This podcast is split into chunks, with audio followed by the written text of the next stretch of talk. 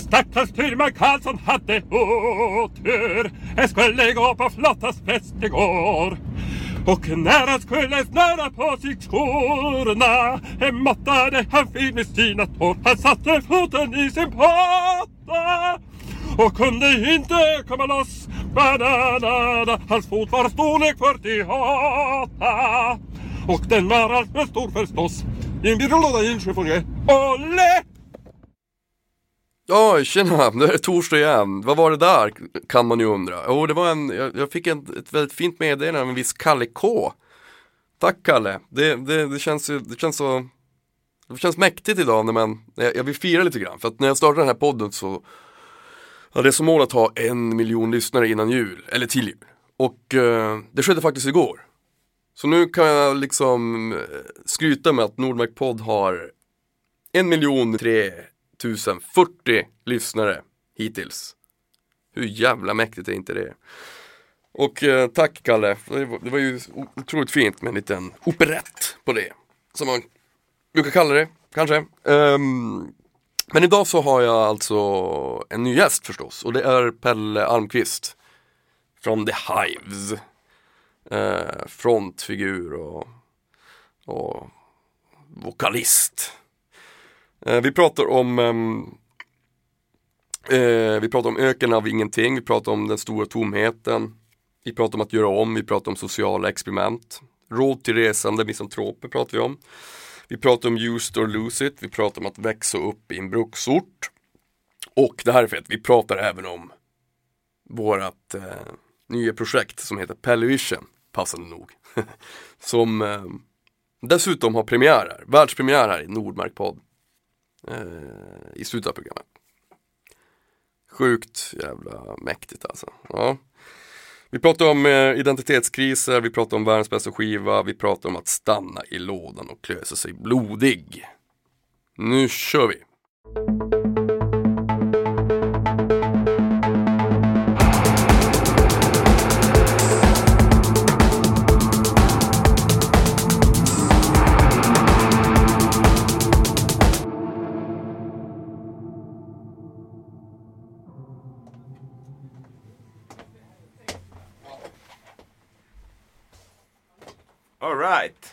Sitter du bra kära? Sitter kanon. Här har du riggat upp. Jag har riggat upp, allt är klart. Måste sitta och peta på en Alltid. gitarr så jag blir avspänd. Allt är klart. Up and running. Hör du, välkommen till Nordmark podd. Tack! Fan vad kul att äntligen ha det här. Ja, vad härligt att äntligen få vara här. Eller jag har ju varit här ganska mycket Du utan att spela in podden. Ja, du har ju varit här mycket. Mm. Nu har ni turnerat klart på skivan. Ja. Fyra år.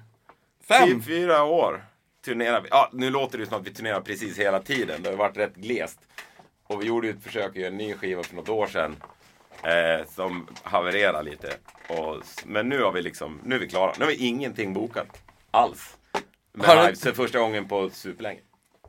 Hur, har det någonsin, har det hänt, jag menar, på 15 år? Att ni Nej, har- knappt. Alltså när vi har gjort det förut och inte haft något bokat, då har det liksom varit uttalat att nu Alltså att man vet vad som ska hända efter det. Mm. Nu är vi lediga si och så länge. Men nu är det verkligen eh, helt blankt schema. En stor tomhet breder ut sig framför mig. En öken av ingenting. En öken En, av en oändligt svart hål av tid som jag inte vet vart det ska ta vägen. Eller, eller som att programmera i DOS som det hette förr. Det var också ett svart universum när man slog på datorskärmen så var det bara helt svart. Det fanns ingenting. Det fanns ingenting. Man Man helt ingen hjälp med någonting, Nej. så är det. Ja, så är det nu.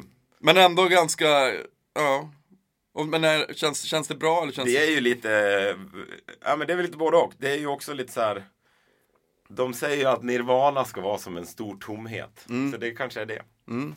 Nej men det känns bra. Eh, lite intressant så här. Att man får stanna lite och tänka på vad man vill göra. Ja. För jag har ju bara plogat på och tänkt. Fan folk vill fortfarande se oss. Vi kör på. Ja, och så har vi hållit på i liksom i ja, 20 års tid egentligen.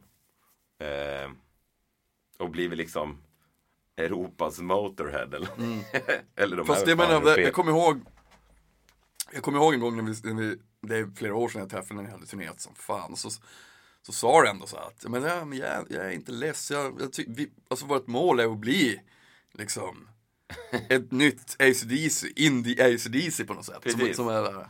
Och det måste man ändå säga att ni är.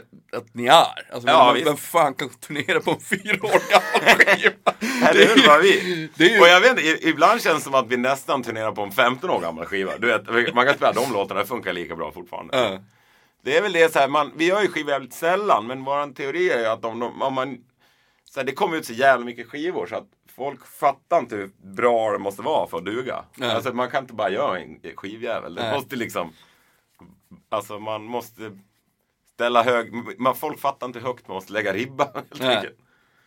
Och, men när vi väl har gjort låtarna och kämpar med dem och grejer så här, då kan vi ju spela dem forever känns det som. Och man blir inte trött på dem. Men vad heter det, tror ni inte att... Eh, har, märkte ni tidigt så sådär? Men nu... För jag menar någonstans måste det bli såhär, ni, ni bodde i Fagersta först allihopa. Ja. När ni startade, när ni var kids liksom. Och sen började bara spela. Och så, det gick ändå snabbt till att det liksom blev en jävla hype om er. Alltså jag kommer ihåg, Ja, jag träffade när ni spelade in, jag tror jag, det var andra skivan då med, med Pelle. Med, med Pelle Gunnefelt, när jag träffade, det var på Hultsfred. Och då hade ni kört fast något. Jag kommer, jag kommer ihåg att jag sa så här. Lite spyrigt också, ja, hur tyckte ni att det där gick? Ja, men vi- vi gjorde ett Jag kommer försök ihåg att- du sa då så här, du bara, ah fan det gick inte så bra. Klipp. det gick inte så jävla bra.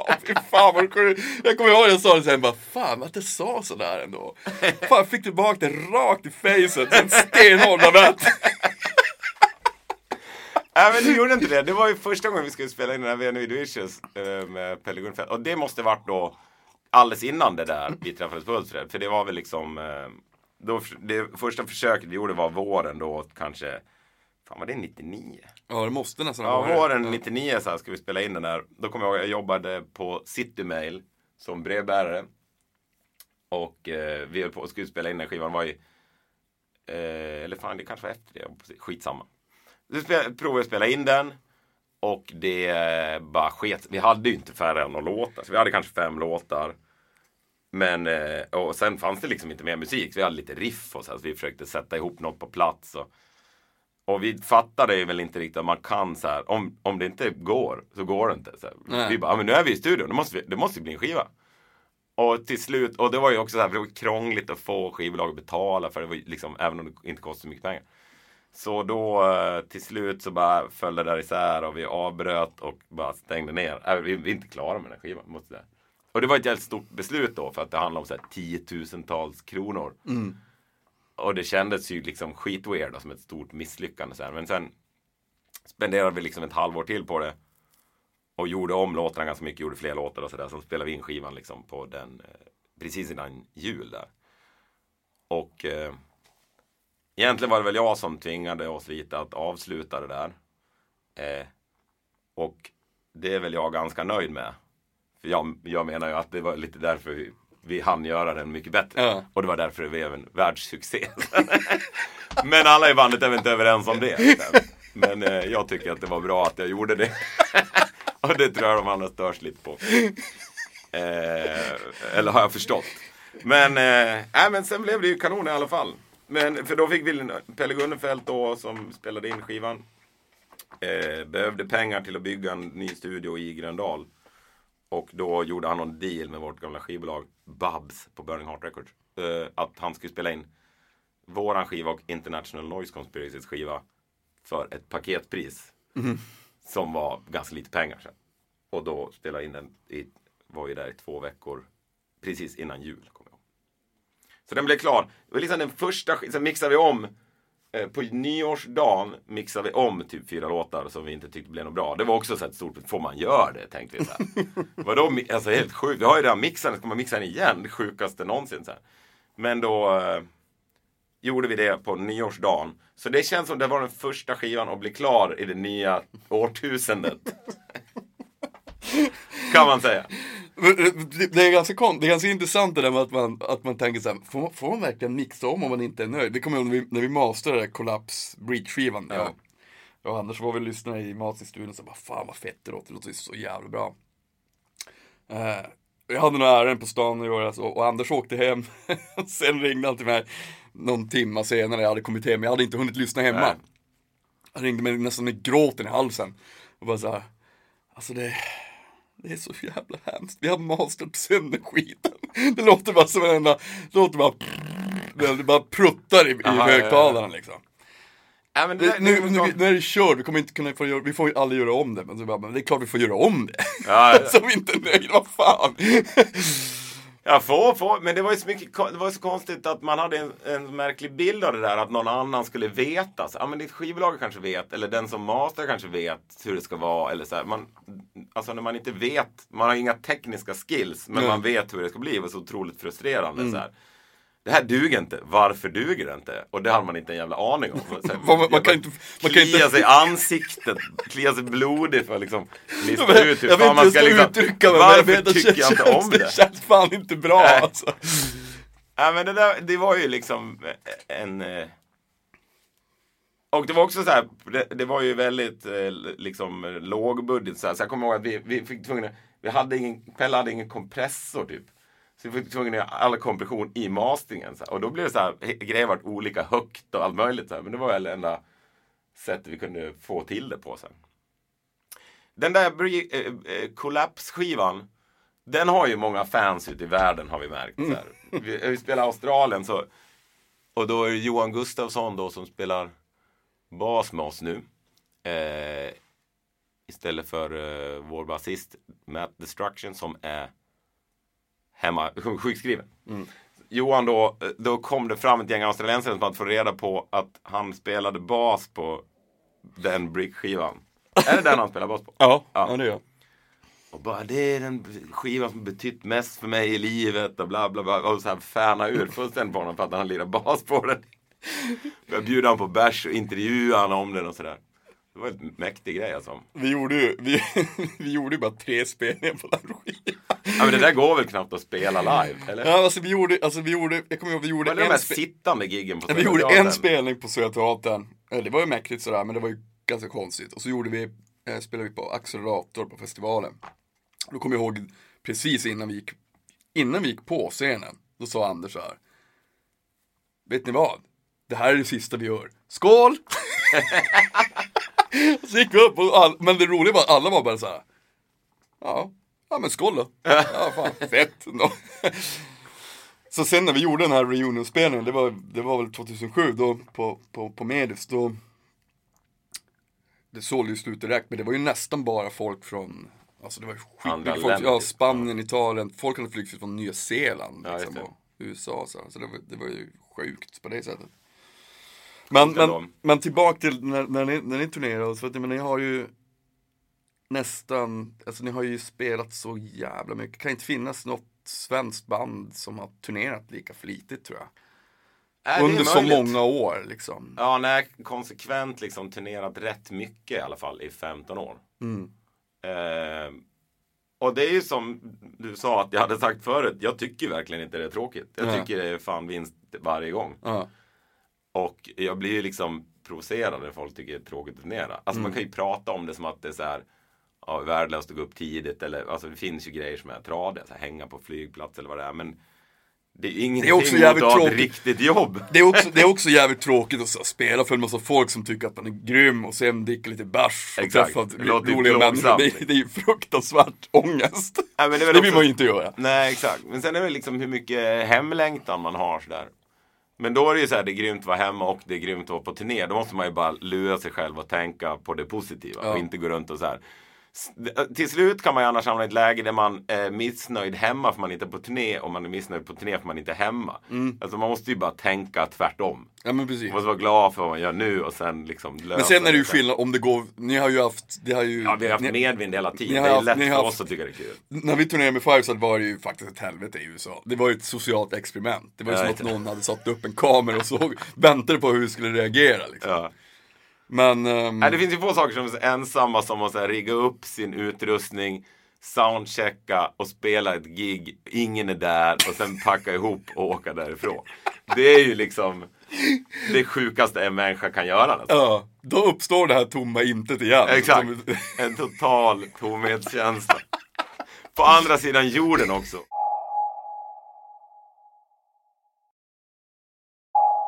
Men det minns jag att jag tyckte var ganska intressant. Så här, att det alltid var, det var en Fireshine-intervju i Aftonbladet om att ni åkte på den här stora Lollapalooza-turnén.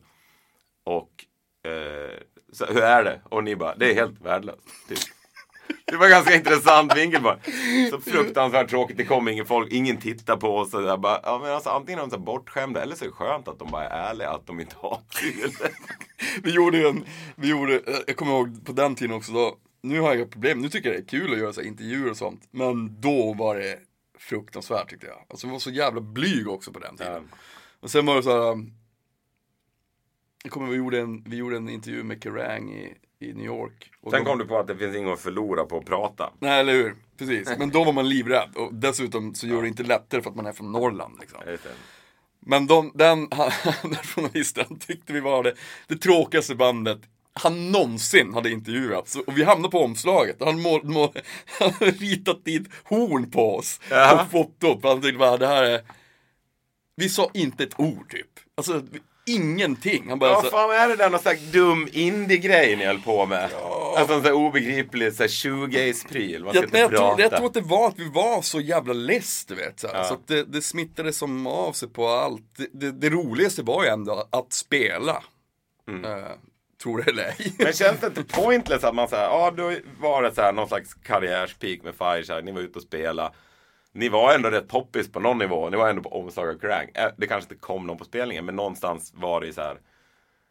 Är det inte jobbigt, eh, jag kan tänka mig så här, är det inte jobbigt att i efterhand då tänka att så här, vi hade skittråkigt och det var piken. Är inte det det deppigaste du någonsin har hört?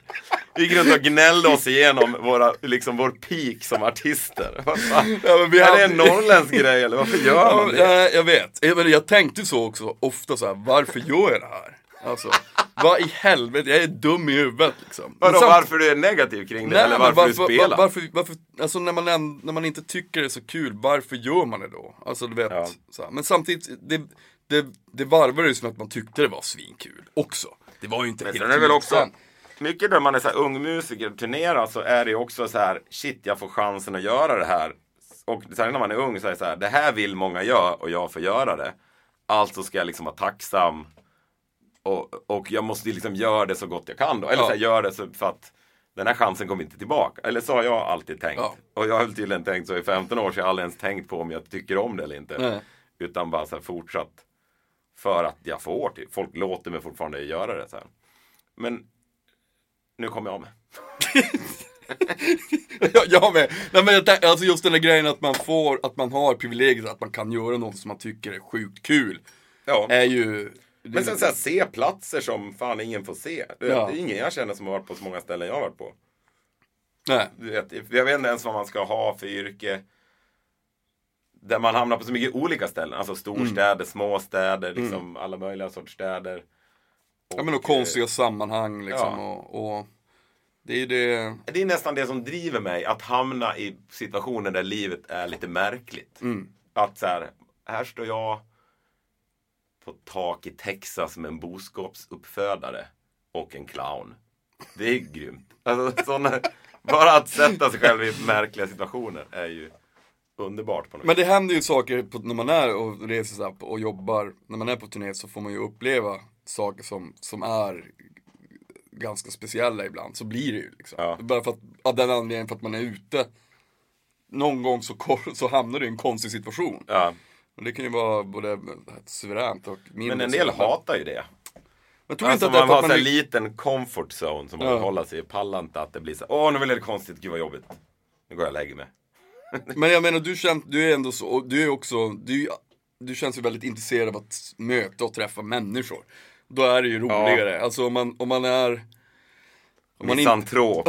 om man är misantrop och inte gillar att resa, då ska man ju inte turnera. Det När man ju- inte gillar resa och inte gillar folk så är det ju en dålig idé. Ja. Och inte gillar musik kanske. Ja. I de tre Precis. Då, tillsammans, då ska man nog kanske välja ett annat jobb. då, då, då kan jag säga, då kommer man få hemlängtan. Ja.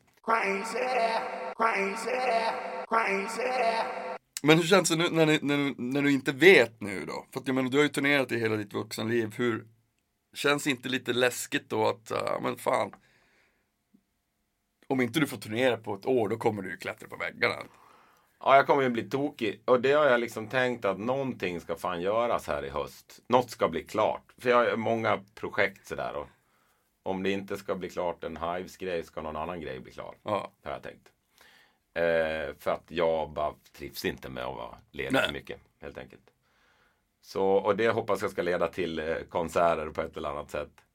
För att det är också, det är inte nog med att så här, jag, jag trivs. Alltså jag, jag tror att det handlar lite och grann också om någon slags här, arbetsmoral eller vad fan det är. Jag trivs inte med att vara ledig för mycket. Jag blir liksom, nej, jag mår inte bra av det. Jag, och dessutom så tycker jag att det är roligt och du vet, samma grej som jag har sagt i 15 år. Man vet inte hur länge man får hålla på. Nej. Så då måste man liksom hålla på nu medan man kan. Inte hålla på kan man göra resten av livet. Eh, Eller när man är död. ja, Helt precis. Då, det finns tusentals år att hålla på och inte göra någonting. Eh, så att, eh, men någonting ska helt enkelt göras. Sen det är också det så här. Det håller ju mig i form. Alltså våra konserter är väldigt fysiska. Jag blir fet om vi turnerar också. Trött, ledsen och däst. jag. Måste liksom hålla verktygen vassa och då måste jag liksom use it or lose it, jag. Men är du sådär då att du, jag gillar ju att gå upp tidigt, alltså jag går upp oftast liksom mellan halv sju och sju. Ja. Om jag nu inte har varit ute och druckit massa öl. Då, då kanske jag har sovit till nio. Ja. Eller halv nio.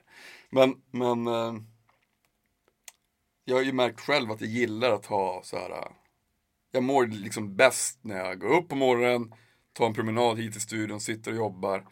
Och gärna då kanske går hem vid, vid sex, sju. Mm. Och så upprepar sig det här hela tiden. Alltså jag får mest gjort och jag mår helt klart bäst. Och så kanske lite träning också däremellan. Ja, om man har tur. Om man har flax. Ja, men det, det är väl liksom med någon, det, Man tänker ju att man, så här, man är självanställd eller frilans eller vad, vad fan man kallar det. Så här. Att det... Om man, jag tror att om man har liksom ett 9-5 jobb. Det är väl liksom en mänsklig mekanism att man måste alltid klaga på det man har. Så här. Men nu, om, precis, om jag får välja så jobbar jag väl 9 till 5. Det är ju, för att nu, nu är det också för att förut hade man ju mer kompisar som var mer antingen arbetslösa eller självanställda eller vad de nu var. Så här. Och nu har ju alla de ett jobb. Så det finns ju ingen att umgås med 9 till 5. så då är det lika bra man jobbar. Och det är också skönt att liksom Alltså jag vet fan om det handlar om att vara en del i, av samhället eller vad det är men Det är ju skönare att känna sig lite flitig. Alltså känslan av att tiden går och inget händer är ju fienden lite grann. Och den har jag haft lite för mycket de senaste åren för att vi har gjort lite mindre med Hives här. Så det... Alltså man vaknar måndag, man dricker en kopp kaffe och sen bara en tomhet.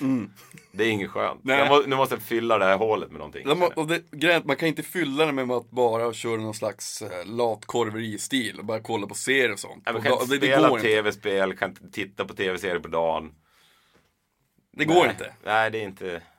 Det duger inte. Då får man helt enkelt starta ett, i ditt fall, då får man starta ett nytt projekt. Ja, precis. Man får, vad fan, något ska jag göra. Ja, ja, för fan. Eh. Vi, vi, vi, vi håller ju på nu, vi måste göra klart skiten. Exakt. Vi har startat ett band. Eh, som heter Pellevision. Jävla bra namn. Stört bra namn. Det började med att vi skulle ha ett, eh, ett television coverband med bara folk som heter Pelle.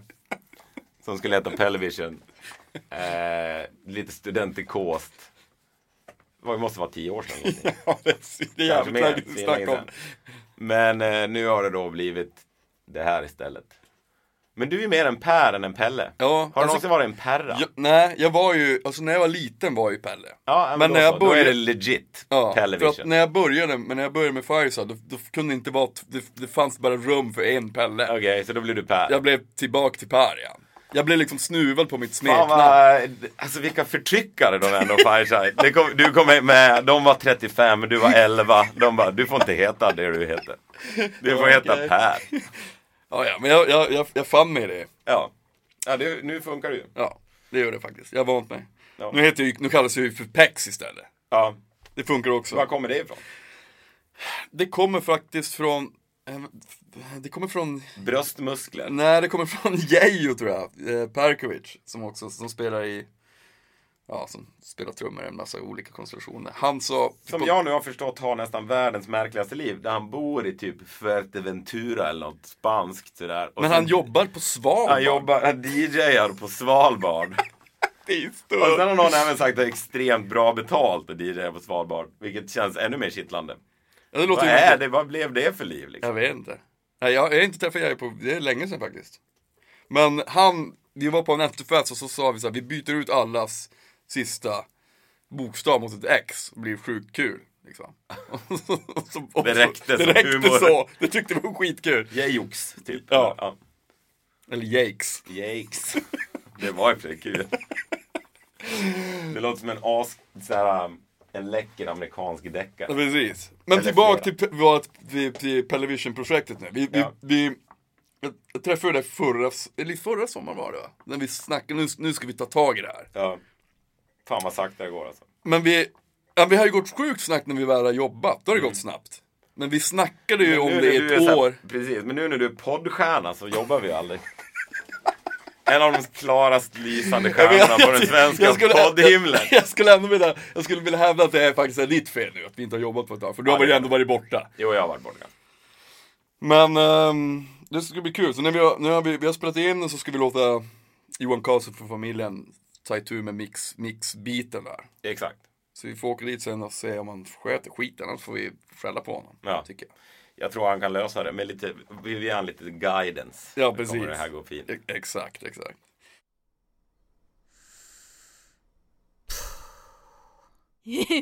Men känner du att du blir så här, äh, har du nerver innan spelningar? Eller är det liksom, du bara, ja men det här, är det någonting jag kan? Jag är rätt övertygad på att, om att jag är bra på det. Ja. För att folk har sagt det till mig så länge nu så att de har skapat liksom ett monster. Att jag är såhär, nej fan det här är jag. Det har stått i tidningen 500 gånger att jag är bästa frontmannen i världen. Det måste ju vara sant.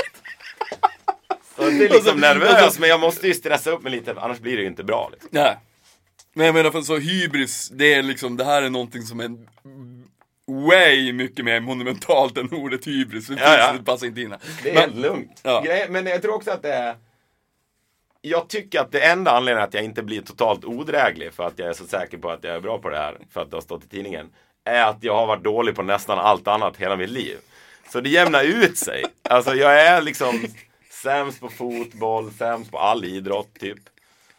Eh, det är liksom Det är det enda jag är bra på och då tycker jag det är okej att jag Att jag säger att jag är bra på det. Men tror du inte att så, här, alltså för kov, så är det ju med allting. Vad är det de säger? Om man jag var tvungen att bli så här 22 år för att hitta något jag var bra på. Så att de första 22 osäkra fjantåren väger upp för allt självförtroende jag har nu. Men var inte det jobbigt när du växte upp i Fagersta? Alltså som, jag menar det är en sån här bruksort som känns som att idrott har ganska stor del av ett sånt, Ja.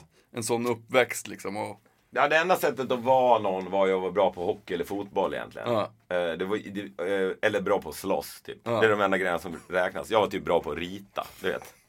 Det var ju inte, stod inte högt i kurs. Eh, och sen tyckte de att jag såg ut som en tjej. Nej precis, så jag, stod, jag hade inte så höga aktier i Fagersta tror jag inte. men hade du, hade du massa allierade då som du bara sa, fan vad det här är? Eller, eller tänkte du så här, shit, när jag om några år, det första jag gör, det är att dra härifrån liksom. Ja, jag tror att jag alltid ville bo någon annanstans. Och det har jag gjort sen jag har fått välja själv egentligen. Mm.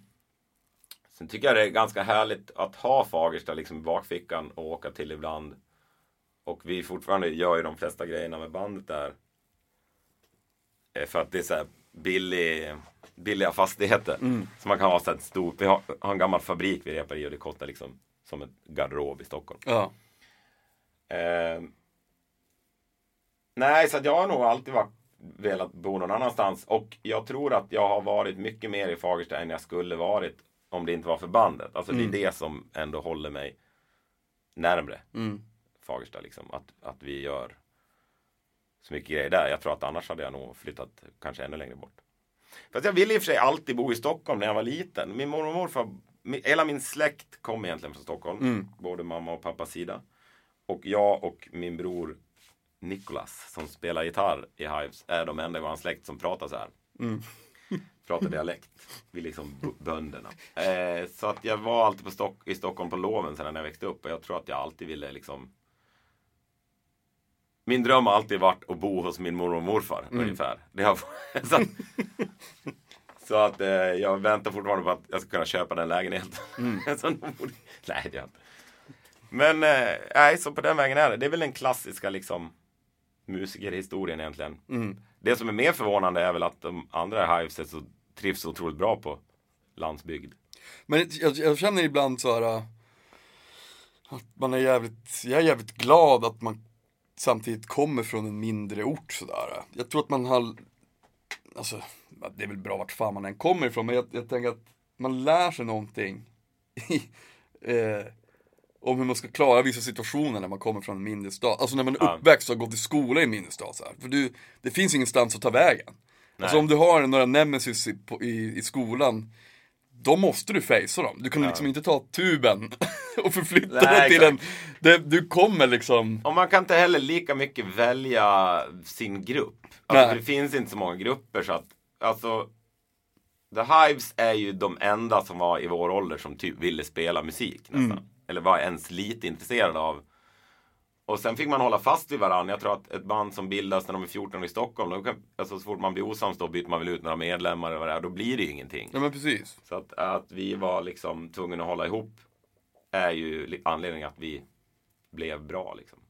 Man var tvungen att kämpa med samma personer hela tiden. Det gick inte att liksom You're out.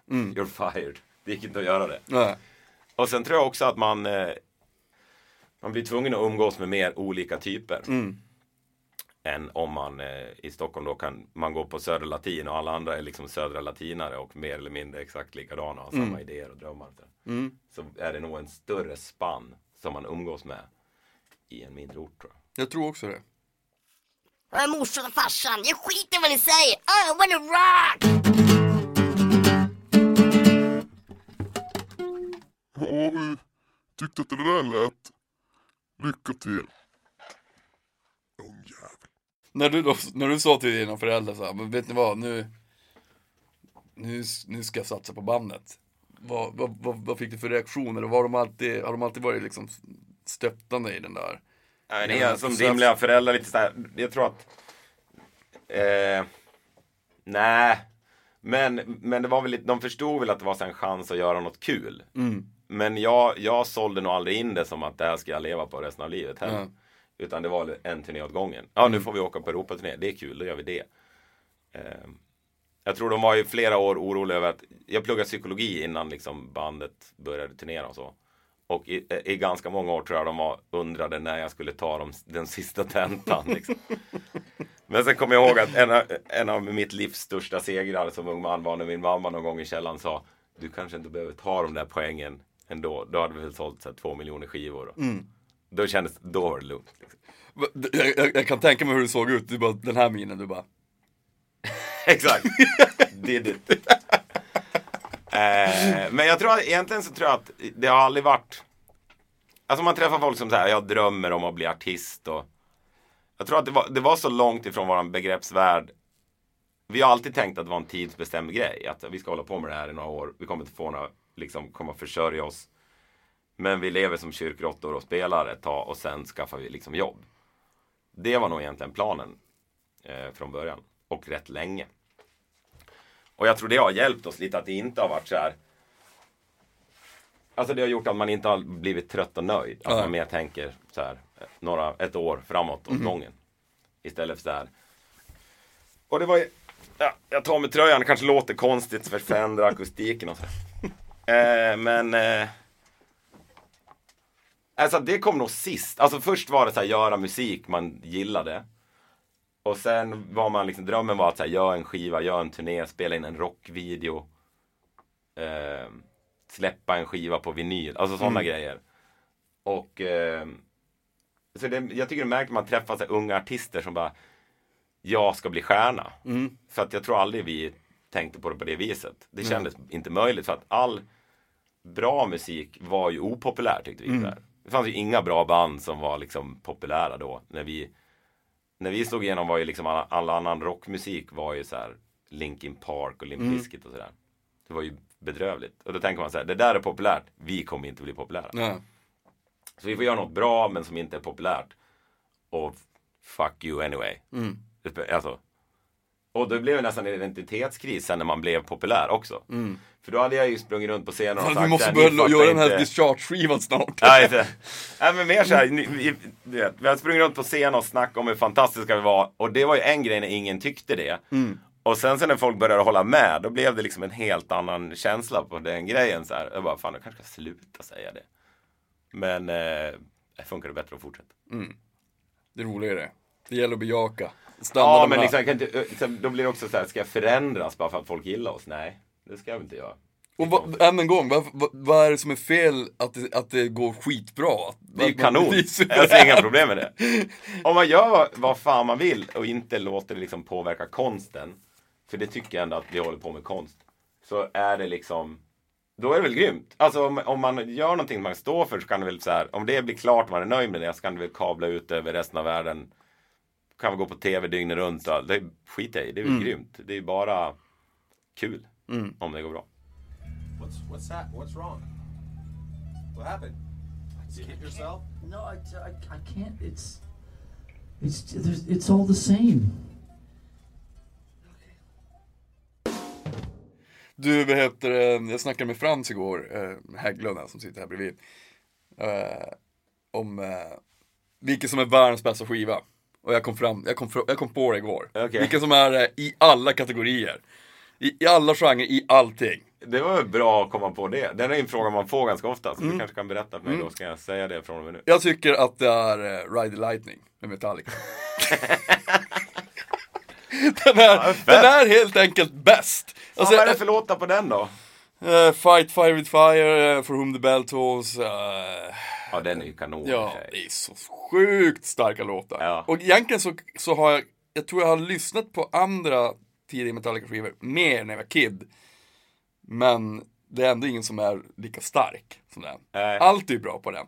Alltså produktionen är suverän. Ja, Okej. Det är svinbra, det är till och med svinbra trummor på Ja, den. just det. Ja, för han är lite utskälld annars, Lars Ulrik. Han är ju helt Folk värd... har ju fel om Lars Ulrik, helt enkelt. Jag vill ju hänga med Man honom kan jämt. inte säga att, det, att han är dålig på trummor. Det är omöjligt. Alltså, det finns ingen lufttrummis som kids i- ingen trummis som kids i västvärlden har spelat med lufttrummor till. Och då är man, alltså han skriver väl bäst trumgrejer, hittar på bäst trumgrejer. Sen att han inte kan spela om, det är väl inte riktigt... Han är ju helt komplett värdelös nu på att spela, men det spelar som ingen roll. Det är inte det som är grejen. Men Nej. då spelar han ju bra. Ja. Eller bra, han spelar väl kanske... Ja, men, Ja, men jag tror inte att det handlar om, det handlar ju om att de har jobbat skitmycket för att få till trummorna. Ja, Men han han, har ju så- hittat på hur de ska gå och det Exakt. har han gjort på ett utmärkt sätt. En signaturtrummis med Ja, ord. men, det- det spelar ingen roll om man spenderar fem år i studion med att få till det. Till slut är det ju grymt. Ja. Men jag, jag tror jag skulle vilja hänga med honom. Jag tycker han verkar vara liksom Ja, de andra roligast. Hives har hängt ganska mycket med honom. Eller ganska mycket, men lite då och då någon gång. Så här. Och då pratar han ju danska, det är mäktigt. och då höll han till på att fråga efter mig, för jag var inte där då. Vad är pille? Va? Vad är pille? Ibland när jag är ledsen så tänker jag på att Lars Ulrik frågar efter mig på danska. Då blir jag lite gladare. Ja, vad fett. Vilken är din bästa då? Oj, jag vet fan inte. Jag tycker det är svårt. Alltså de jag lyssnar på mest. Det behöver Alltså inte vara grejer den du behöver lyssna här, på när grejer har betytt, alltså förändrat ens världsbild. Har ju hänt ett par gånger. Och eh, Sonics var en sån grej för mig. Att jag hörde det och det var från 60-talet. Det var så jävla mycket tuffare än allt som gjordes nu tyckte jag. och Sådär. Men sen om det är världens bästa skiva. Jag tycker det är jävligt svårt. Jag tycker det finns många grejer som när man lyssnar på det är världens bästa skiva. Alltså jag, om jag lyssnar på Misfit så kan jag inte tänka att det finns bättre musik Nej. i världen. Om jag lyssnar på liksom Bad Brains kan jag känna samma sak. Jo. Eller om jag lyssnar på Metallica. Jag var, eh, lyssnade på radio och då kom For Whom the Bell Tolls på med Metallica. Och då är det så här 19 bra riff i rad innan någon börjar sjunga. Jag vet, Och det det är så här så schack, schackmatt. Det är inte alltså. Det är fyra och en halv minut trash metal bara, instrumentalt. Alla tycker ändå att det är en hit. Det är så jävla fett. Ja. Sjukt bra. Jag tycker man ska, jag ska börja använda uh, Ride Lightning och applicera det på allting. När man går ut och käkar. Ja, ah, var det bra? Det var, det var bra, men... Jag var inte Ride Lightning. men var det Ride Lightning? Som måttstock bara. Omslag också. Det är väl en elektrisk stol som det slår blixtar Ja, suveränt omslag. i. Kanon. Ja. Så jävla trash alltså. Basic hårdrock. Ja. Det är, men det är som du, alltså det är Hårdrock är klart. fascinerande för jag har ju länge tyckt att det var så här. Alltså man lyssna på punk så vart ju hårdrock dåligt. Exakt. På ett sätt. och mesigt. Att det är så här, det är så kontrollerat och de är bra på att spela och då tycker man det var mesigt. Men nu tycker jag att det finns en Alltså jag tycker man, man blir lite äldre så finns det något, alltså inte så här hantverk som i något så här Yes eller Jethro Tull eller så här. Nej, Jag är fortfarande nej, det kan inte jag med. Toto eller vad det nu är. Men det är ju något som är mäktigt med att Metallica har övat i ett pojkrum i liksom tio år. Suttit och solat med någon liten övningsförstärkare och sådär. För att de bara älskar trash metal. Det tycker jag är härligt. Det finns, det, men det finns, det är liksom... All, all bra rock har ju någon sån här pojkrumsvibb över sig. Ja, det, är, det finns ju någon sportmentalitet över det där också. Ja, som man hatade när man gillade punk. Men, Exakt. men nu tycker jag att det- det är väl härligt. Ja, Alla får finnas. Man blir bara ljummen och lite äldre och tycker att allt är okej. Det är, ändå, det är en dedikation. Så Ja, precis. För, för att spela trash metal så måste du liksom, du måste vara bra på dubbelkaggat. Ja, Det, det det, går liksom inte annars. Det är ett högt insteg på trash metal. Ja. Och det är det ju inte med, med så punk och alltså så Nirvana rock eller vad det nu var som fick folk att börja spela. Så här, Då är det ju ofta ett lågt insteg. Precis. Trash metal jävla svårt. Men det var, ja, exakt, det var ju, för att min farsa var ju, han, han spelade ju bara jazz och sånt hemma. Och jag, alltså när jag själv började spela sen, då hade man ju börjat lyssna på punk och sånt. Så då lyssnade jag ju inte längre på Metallica. Då var det ju som, som du Ja. sa, helt råtöntigt här.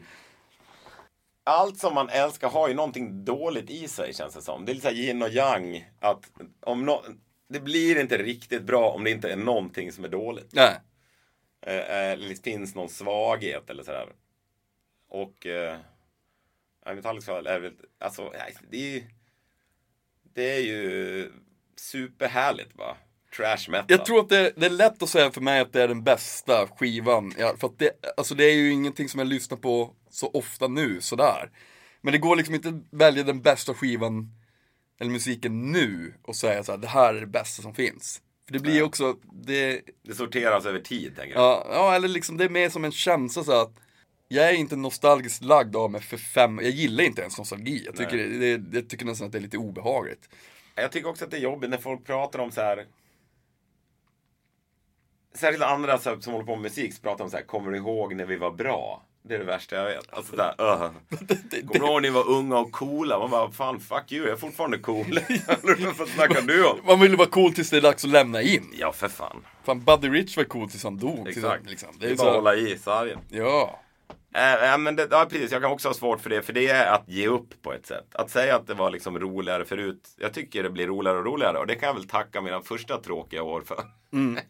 Jag Alltså, jag tror att det är på något vis en skatt att ha en barndom som var lite olycklig. För att det gör att allt blir bara bättre. Alltså jag känner så många som pratar om sin barndom som att så här, åh vad det var underbart. Underförstått, nu är det liksom 50 år kvar av relativ tristess. Att ha en bra barndom är lite grann som att vara en före detta heroinmissbrukare. Att man säger, jag kommer aldrig ha det så bra som när jag tog heroin. Nu ska jag bara leva som en grå skugga i 50 år till. Ja. Kanske en drastisk jämförelse, men jag, jag låter den hänga i luften ett tag. Känner efter om, om jag kan stå för den eller inte. Men, eh, jag håller med. Jag, jag tror att man, det, man gillar ju inte stagnation helt enkelt. Det är det som är, det är man ju, jag är livrädd för det. Att det ska Samtidigt så AC/DC. På tal om ACDC, var, har jag drömt det här? Eller var det, var det, någon, var det du eller var det, var det Krille som satt som hamnade bredvid eh, Phil Rudd på ett plan när han satt och spelade på, på, på Nej, Det var väl Hellacopters som, vi var på turné med Hellacopters och ACDC var på turné samtidigt och vi skulle spela samma kväll i Finland. Det var första gången jag såg ACDC. Vi spelade förband till Hellacopters på Tavastia eller vad det hette. Det var år 2000. Och eh, ACDC skulle spela samma kväll så då åkte vi och kollade på ACDC. Men då hade Hellacopters varit på samma plan över. Och då satt Phil Rudd och spelade fyrtakt. Vanligt ACDC-komp på knäna. Hela flighten.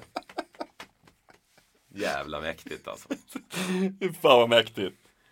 Han, det fanns inget, de, de har aldrig liksom aldrig ens sneglat åt att använda dubbelkaggat eller någonting. De har bara kört Nej, straight, straight.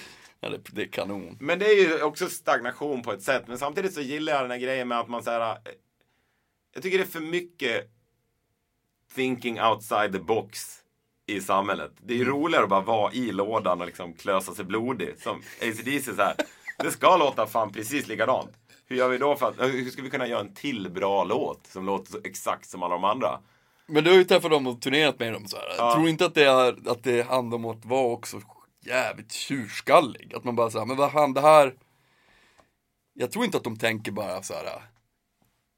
Vi, vi, vi stannar i våran, i våran comfort zone. Jag tror nog också att de tänker att det här är bäst. Ja. Alltså, Och kämpa med det. Ja. Det är inte en comfort zone. Alltså med comfort zone vore det ju bara, "Ah, jag är sugen att göra en reggae-låt, då gör vi en reggae-låt. Det är ju bekvämare. Det är ju, det är ju mäktigare att stå för något. Alltså när man väljer att göra all sorts musik så väljer man också att inte göra någon sorts musik. Alltså, det, även det kan vara en reggae-låt, det kan vara en discolåt, det kan vara en allt får vara med liksom. Så blir det en stor smält degel med influenser och sen kommer det bara ut skit på andra änden. Om jag är sugen på att lyssna på ACDC vill jag ju lyssna på ett ACDC som låter som ACDC. Alltså de mutar in det territoriet Ja. och är bäst på det. Ja. Alltså bara stenhård nischning, det är ju härligt. spjutspets. Ja, spjutspetskompetens inom boogie-rock. Precis. Fan, sä- Metallica är bäst på Metallica liksom. Ja, det är sant, det är sant. Nu säger vi så, nu ska du få en kram för nu är vi klara. Är vi det? Ska Fan vi vad fort det gick. Ja, det gick fort. Nu har vi snackat läge. Ah. Fan vad kul. Vet du, Härligt. nu drar vi till Johan och ser vad fan. Vad han hittar på. Det gjorde vi också och det resulterar i det ni ska få höra nu. För nu är det världspremiär för eh, Pelevision med Do It So Well. Endast där i Nordmark podd, endast för er. Hej då!